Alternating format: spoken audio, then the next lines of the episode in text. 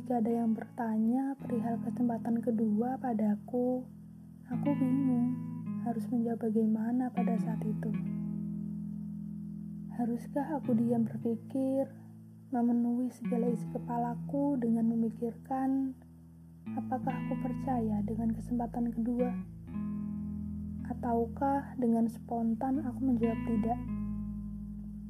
Lalu kembali diam memikirkan apakah perlu, apakah benar aku mengucapnya, atau mungkin kalian kembali bertanya, mengapa tidak dengan kesempatan kedua?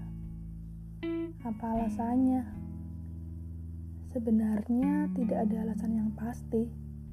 Hanya saja dengan begitu, ialah satu dari berjuta caraku untuk mencintai diriku sendiri dengan tidak menaruh harap apa yang aku inginkan, serta harus bagaimana seseorang itu memperlakukanku. Memang, kesalahan pasti ada dalam setiap diri manusia.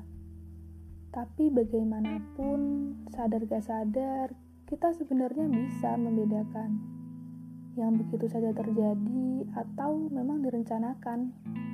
Singkatnya, yang tidak disengaja ataupun disengaja. Menurutku, perpisahan yang paling tidak direncanakan hanyalah kematian, bukan malah rasa bosan hingga perselingkuhan, bahkan sampai bawa-bawa pendidikan. Padahal begitulah takdir bekerja, memisahkan dua insan yang ditakdirkan tidak bersama hingga akhir. Memang ya, semesta selalu keren membuat cerita yang berbeda-beda sedemikian rupa. Saat itu, pergi tanpa pamit kedua kalinya.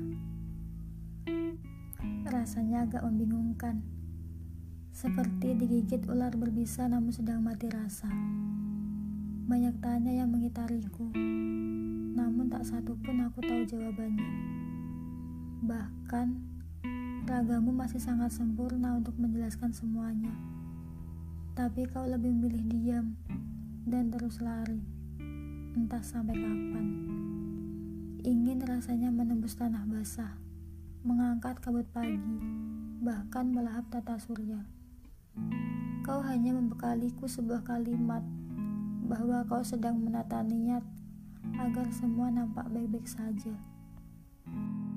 Sekejam itu, takdir merampasnya dengan berbagai hal konyol yang semata-mata tujuannya hanya memisahkan, membuatku berpikir keras saat itu. Apa salahku? Apa kurangku? Mengapa bisa dia seperti itu? Banyak hal. Namun kala itu dirinya tidak benar-benar hilang. Setelah berlabuh di dermaga lain, Sepertinya itu tidak membuatnya betah menetap. Kamu benar. Apalagi seseorang yang selalu berpikiran bahwa dia berbeda dari yang lain. Nyatanya pun enggak. Bisa jadi dia malah lebih buruk. Dengan hanya melontarkan kata-kata berbeda, bukan berarti dia pantas dengan kesempatan kedua, bukan? Pantas saja kau tak pernah merasa sungguh. Ternyata kau melukis cerita pada sebuah bubuk yang telah lama hangus. Kau lupa bahwa telah datang Arunika meraungi samudera panjang. Kau hanya termenung pada sandia, terlalu fokus pada jenggala gersang. Entah kapan kau akan beranjak, menunggu disiksa waktu, ataukah disapa hujan. Kau berceloteh meyakinkan bahwa semua nyata. Untuk apa? Untuk apa jika setelah itu kau sirna? Lajunya kembali berputar arah hingga akhirnya terlihat jelas di depan mata. Dia datang kembali, namun hanyalah singgah sementara waktu sebelum benar-benar hilang. Di situlah kali pertama kesempatan kedua itu hadir di kehidupanku. Salahku, aku tak mengenalnya terlebih dahulu. Bagaimana kesempatan kedua bekerja?